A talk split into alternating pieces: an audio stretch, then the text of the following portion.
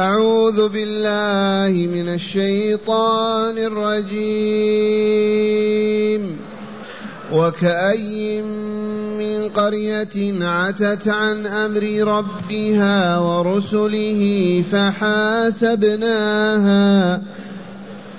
فحاسبناها حسابا شديدا وعذبناها عذابا نكرا. فذاقت وبال أمرها وكان عاقبة أمرها خسرا. أعد الله لهم عذابا شديدا. فاتقوا الله يا أولي الألباب الذين آمنوا.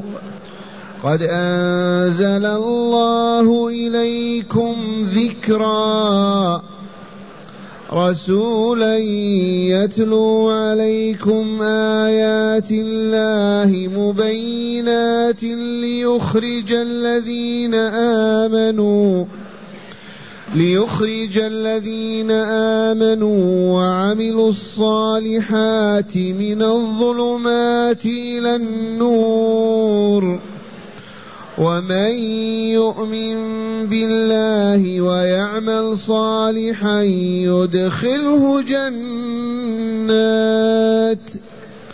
يدخله جنات تجري من تحتها الانهار خالدين فيها خالدين فيها ابدا قد أحسن الله له رزقا. الله الذي خلق سبع سماوات ومن الأرض مثلهن. يتنزل الأمر بينهن لتعلموا أن الله على كل شيء قدير. لتعلموا أن الله على كل شيء قدير وأن الله قد أحاط وأن الله قد أحاط بكل شيء علما. معاشر المستمعين والمستمعات من المؤمنين والمؤمنات. قول ربنا جل ذكره وكأي من قرية عتت عن أمر ربها لما بين تعالى لنا أحكام الطلاق وأمرنا بالالتزام بذلك خوفا من الله وطاعة له وحرم علينا الخيانة والكذب ذكرنا بهذه الآيات. حتى نستقيم ولا نعوج حتى نمتثل أمر ربنا ولا نخرج عن طاعته وطاعة رسوله لا في الطلاق ولا في غيره من الأحكام. فقال تعالى وكأي من قرية يعني وكأي من أهل مدينة من المدن كمدن عاد وثمود وكأي من قرية يعني وكثير من أهل القرى. والقرى المدن القرية في القرآن بمعنى المدينة. وكأي من قرية عاتت عن أمر ربها تجبرت وتكبرت وارتفعت وأبت أن تنصاع وتذعن وتعبد الله. عاتت عن أمر ربها ورسله فكذبت الرسل. وحاربتهم ووصفتهم بما هم بريئون منه من أوصاف النقص كالسحر والجنون وما إلى ذلك. وكم وكأي ما أكثر من مدينة من المدن أهلها عتوا طغوا ما أخذوا بشرع الله ولا التزموا بحدود الله وحاربوا رسول الله الذين أرسلهم إليهم وكم من قرية تركنا عتت برسله فحاسبناها حسابا شديدا. ما أهملناها ولا أضعناها ولا تركناها. جازيناها الجزاء المقابل لكفرها وعصيانها وتمردها. حسابا شديدا. فذاقت وبال أمرها. وعذبناها عذابا شديدا. إما بالخسف وإما بالدمار وإما بالرياح العاصفة وإما بالأمراض بما شاء الله عز وجل أن يهلك الأمة الكافرة الفاجرة التي طغت عن أمر ربها وعصت ولم تمتثل ولم تجيب. فذاقت وبال أمرها وكان عاقبة أمرها خسرا. إي والله العظيم.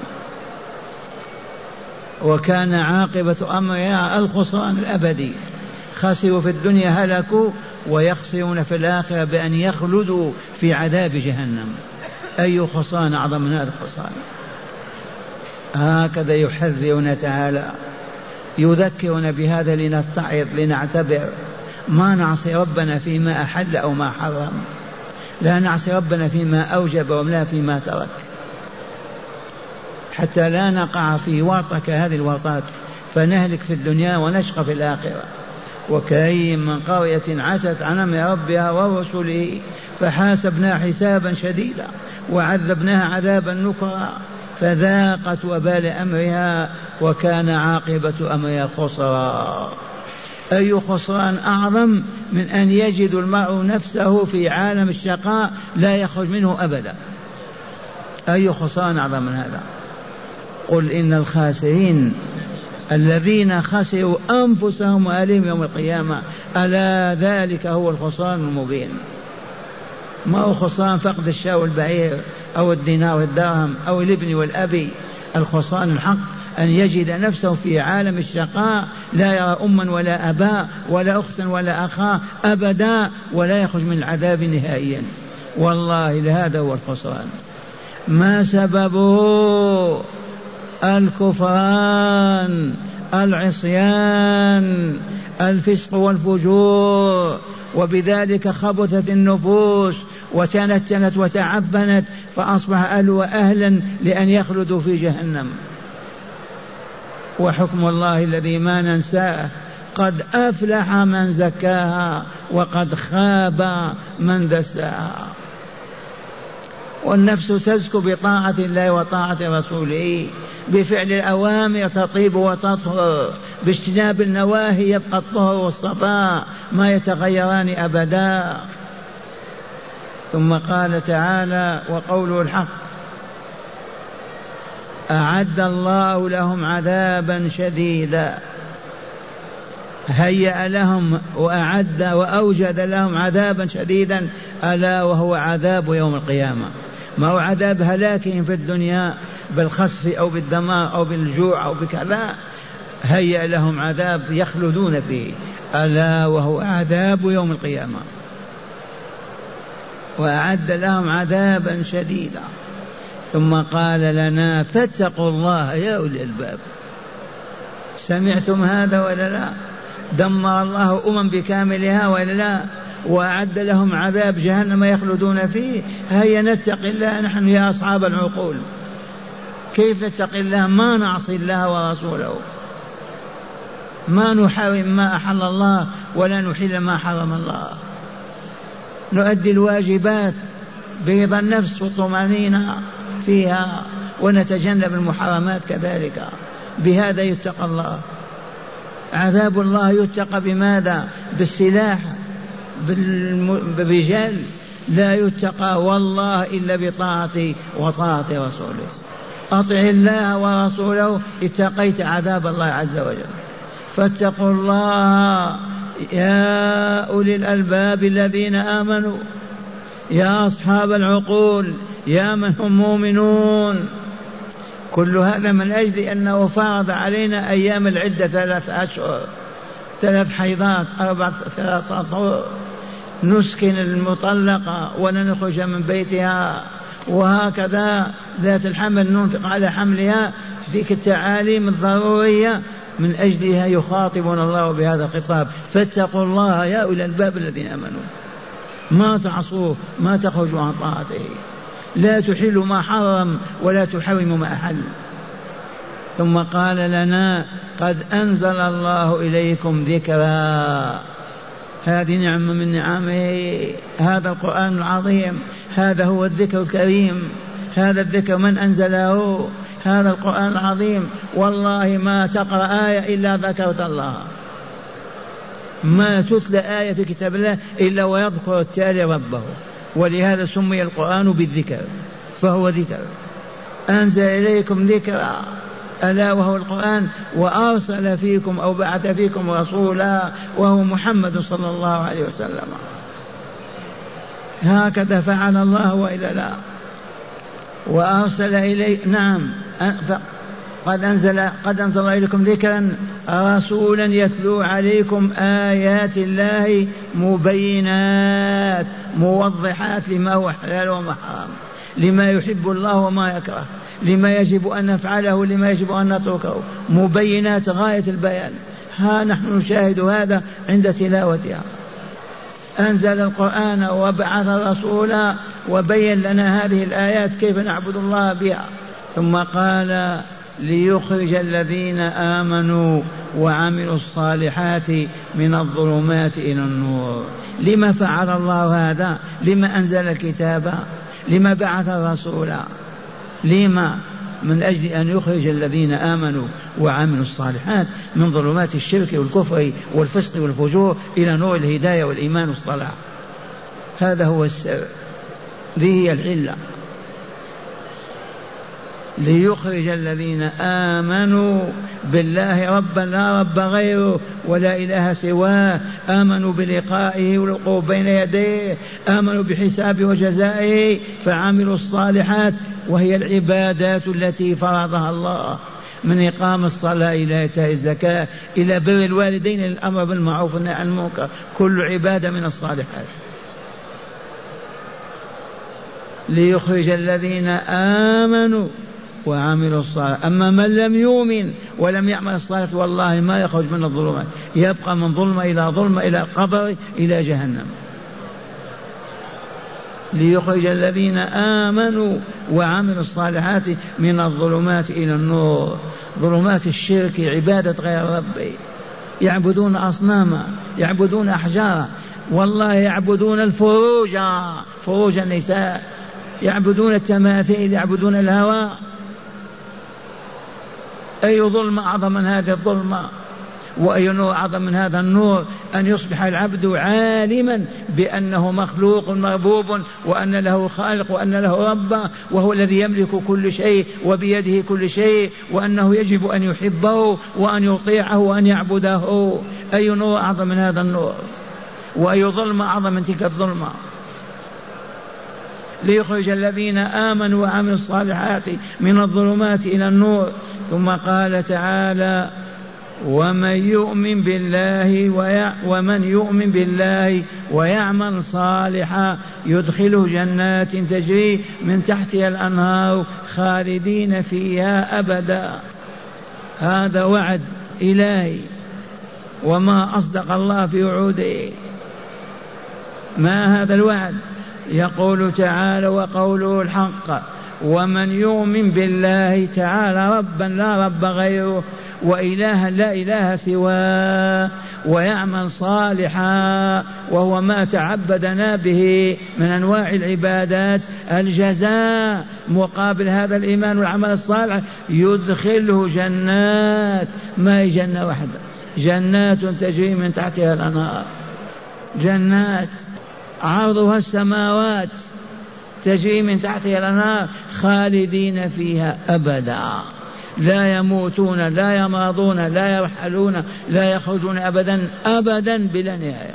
وأخيرا قد أحسن الله له رزقا.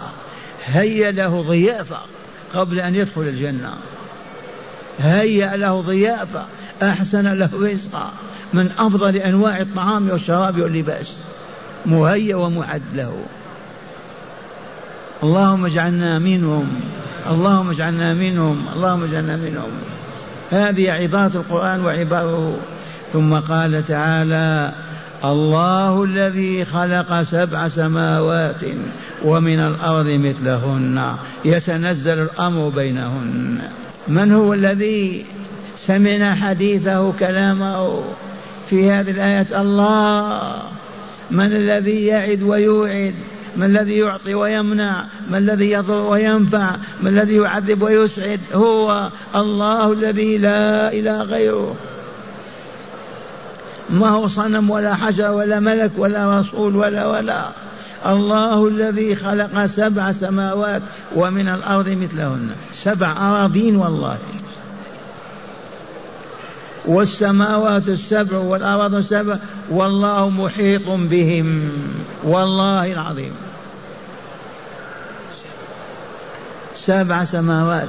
ما بين السماء والسماء مسيرة خمسمائة عام. والله العظيم. بهذا أخبر رسول الله صلى الله عليه وسلم. ما بين السماء والسماء خمسمائة سنة. سبع سماوات سماء فوق سماء وقد عرج برسولنا إليها واجتازها سماء بعد سماء ولقي في كل سماء من لقيه حتى انتهى إلى عرش الرحمن. إلى سدرة المنتهى عندها جنة المأوى. والأراضون سبع. واسمعوا قوله صلى الله عليه وسلم. يقول صلى الله عليه وسلم من أخذ أرضا من أخذ شبا من أرض ظلما. فإنه يطوق يوم القيامة بسبعين بسبع أراضين. من أخذ شبا من الأرض ظلما واعتداء يطوق به يوم القيامة في عنقه من سبع أراضين. هذا هو الله الذي يجب أن نحبه وأن نعبده ونطيعه وأن نحب بحبه. الذي خلق ماذا؟ سبع سماوات وخلق من الأرض مثلهن. يتنزل الأمر بينهن سماء بعد سماء وأرض بعد أرض أمر الله عز وجل. وفي السماوات والأرضين مخلوقات لا يعرف إلا هو. يتنزل الأمر بينهن. لماذا؟ لماذا أخبركم بهذا؟ لتعلموا أن الله على كل شيء قدير. لماذا أخبر بهذا الخبر؟ لنعلم أن الله على كل شيء قدير. فلا نرهب إلا هو ولا نطمع إلا فيه. لا نرجى إلا الله لا نرجو إلا الله ولا نخاف إلا الله. إذ بيده كل شيء وإليه مصير كل شيء. يقول الشيء كن فيكون. يعطي ويمنع يضر وينفع يحيي ويميت. فلهذا قلوبنا تتعلق به ولا نلتفت إلى غير الله أبدا. كائنا من كان. على كل شيء قدير. وأن الله قد أحاط بكل شيء علما. انتبه لا يخفى حركة من حركات عن الله بل ما يخطر بقلبي وقلبك يعلمه الله. فلهذا يجب أن نرهبه أن نخافه أن ترتعد فرائسنا عند ذكره أن لا نعصيه أن لا نخرج عن طاعته. كل هذا من أجل أن نلتزم بتلك الحدود التي أنزل فيها القرآن وهي حدود العداد والطلاق والنفقة. سبحان الله العظيم. هذا هو القرآن الكريم. أين أهل القرآن؟ وكأي من قرية عاتت عن ربها من أندونيسيا إلى موريتانيا ما يحكمون كتاب الله. ولا يجتمعون عليه ولا يعملون بما فيه كأنه ما نزل عليهم كأنه ليس بكتابهم. ما الذي صرفهم عن هذا؟ إلا من شاء الله. والجواب العدو المكون من المجوس واليهود والنصارى. هو الذي صرف أمة القرآن عن القرآن. علموا أنه روح ولا حياة بدون روح. فقالوا إذا نميتهم بماذا نمنعهم من القرآن؟ نحول القرآن إلى الموتى. هذه ستذكرونها يوم القيامة. القرآن روح ولا حياة بدون روح. أليس كذلك؟ إنا أوحينا إليك روحا من أمرنا وكذلك جعلناه نورا نهدي به من شر عبادنا. حيت هذه الأمة بالقرآن. فلما بحثوا كيف يسقطون كيف يدمرون كيف كيف كيف وقد ضاقت بهم الأرض وأحاط بهم الإسلام من الشرق إلى الغرب قالوا القرآن. فهيا نمنح من القرآن. حاولوا ما استطاعوا محال القرآن محفوظ في الصدور. إذا فماذا نصنع؟ نحملهم على ترك القراءة على ترك تدبره وتفسيره. ووضعوا قاعدة. يقولون تفسير القرآن صوابه خطأ وخطأه كفر إن فسرت وأصبت أخطأت. فسرت وأخطأت كفرت. إذا ماذا نصنع بالقرآن؟ نقرأ على الموتى. فقط. ليلة الميت سبع أيام واحد وعشرين ليلة أربعين يوم بحساب الغنى والفقر. يجتمعون على القرآن على الموتى فقط. أما يجتمعون عليه اجتماعا هذا لا والله. لو يقول قال الله اسكت ما قال الله. صواب خطأ وخطأ كفر. فماتت أمة الإسلام. هبطت. هبطت وإلا لا. مسادوها وحكموها واستعمروها والا لا لو كانت ربانيه وليه تعبد الله يتولى عليها الكافر. والله ما كان ولن يرضى الله بذلك ابدا. سلخ من الإمام قلوبهم. وما زلنا الآن عميانا. لا نبصر. ما المانع أن نجتمع في الروضة أو في مكة في الحرم المكي ونباع إمامنا ويقدم لنا الدستور الإسلامي نطبقه في قرانا وفي مدننا وفي العالم الإسلامي بكامله تصبح كلمتنا واحدة صيامنا واحد صلاتنا واحدة أمتنا واحدة وتدخل البشرية كلها في رحمة الله ويسلمون ويدخلون في الإسلام. لما؟ ما المانع؟ نفوض هذا الأمر إلى الله. والآن مع هداية الآيات. بسم الله والحمد لله والصلاة والسلام على خير خلق الله سيدنا ونبينا محمد وعلى آله وصحبه. من هداية هذه الآيات أولا التحذير من ترك الأحكام الشرعية وإهمالها والعبث بها. من هداية هذه الآيات التي تدارسناها التحذير الشديد القوي من إهمال حدود الله وانتهاكها. فما حرم الله يجب أن يبقى حراما بيننا وما أحل يجب أن يبقى حلالا وما أوجب فعله يجب أن نفعله وما حرم فعله يجب أن نتركه. هداية هذه الآية التي درسناها تعود إلى هذا كله. نعم.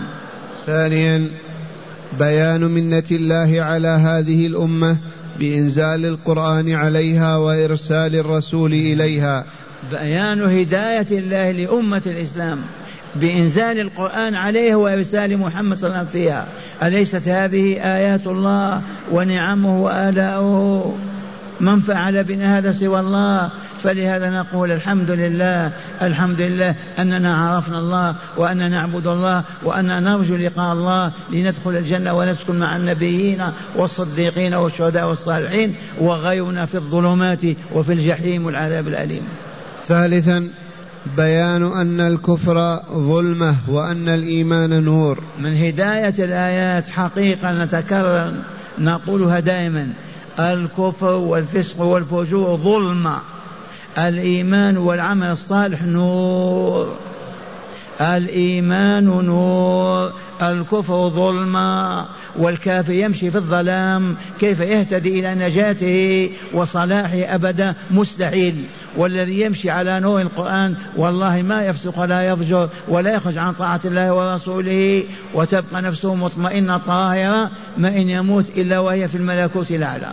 وأخيرا بيان عظمة الله تعالى وسعة علمه. من هداية الآيات بيان عظمة الله وسعة علمه. وكيف لا وقد أحاط بكل شيء علما وكيف لا وهو على كل شيء قدير. هذه تجعلنا نعيش مع الله راهبين خائفين طامعين راجين. نعبده ونرجوه ونسأله أن يوفقنا ويحفظنا حتى نلقاه ونحن مؤمنين. اللهم حقق لنا ذلك يا رب العالمين. إلى جنب أحد الصالحين يقول الآن أسلوب جديد. قال إذا تكلمنا مع عموم بآية اسكت يا وهابي. اسكت يا وهابي. ما معنى وهابي؟ كل من يدعو إلى السنة والعمل بها يسمونه وهابيا. نسبة إلى الشيخ محمد عبد الوهاب. وهو والله من وسواس الشيطان وتزيين إبليس. وهو كلام الجهال والضلال. كيف وهابي؟ أنا أقول لك قال الله وقال رسوله تقول ما نقبل دعاء؟ ما تريد أن تعبد الله؟ قل لا أريد أن أكون ولي الله. ما نريد الإسلام؟ صرح بهذا. فقد تهرب من العبادة تقول أنت وهابي ما نقبل كلامك. هذا كله عائد إلى الجهل. والله العظيم.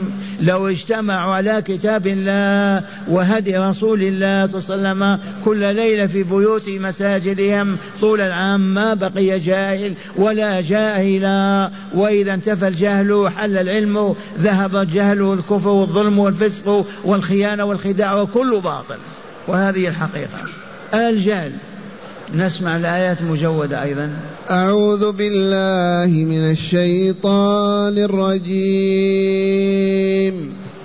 وكأي من قرية عتت عن أمر ربها ورسله فحاسبناها.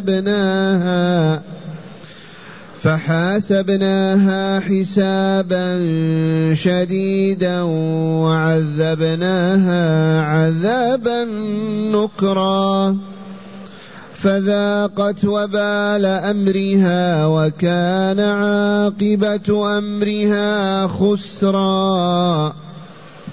أعد الله لهم عذابا شديدا.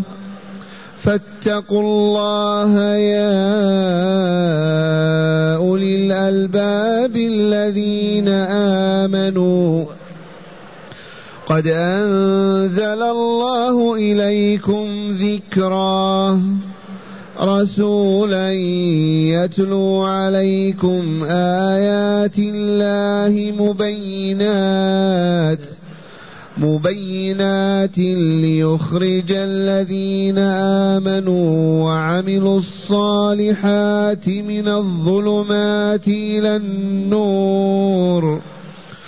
ومن يؤمن بالله ويعمل صالحا يدخله جنات.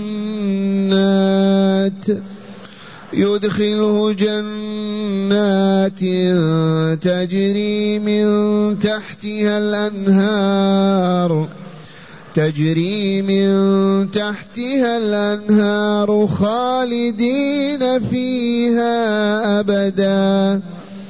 قد أحسن الله له رزقا. الله الذي خلق سبع سماوات ومن الأرض مثلهن. يتنزل الأمر بينهن لتعلموا لتعلموا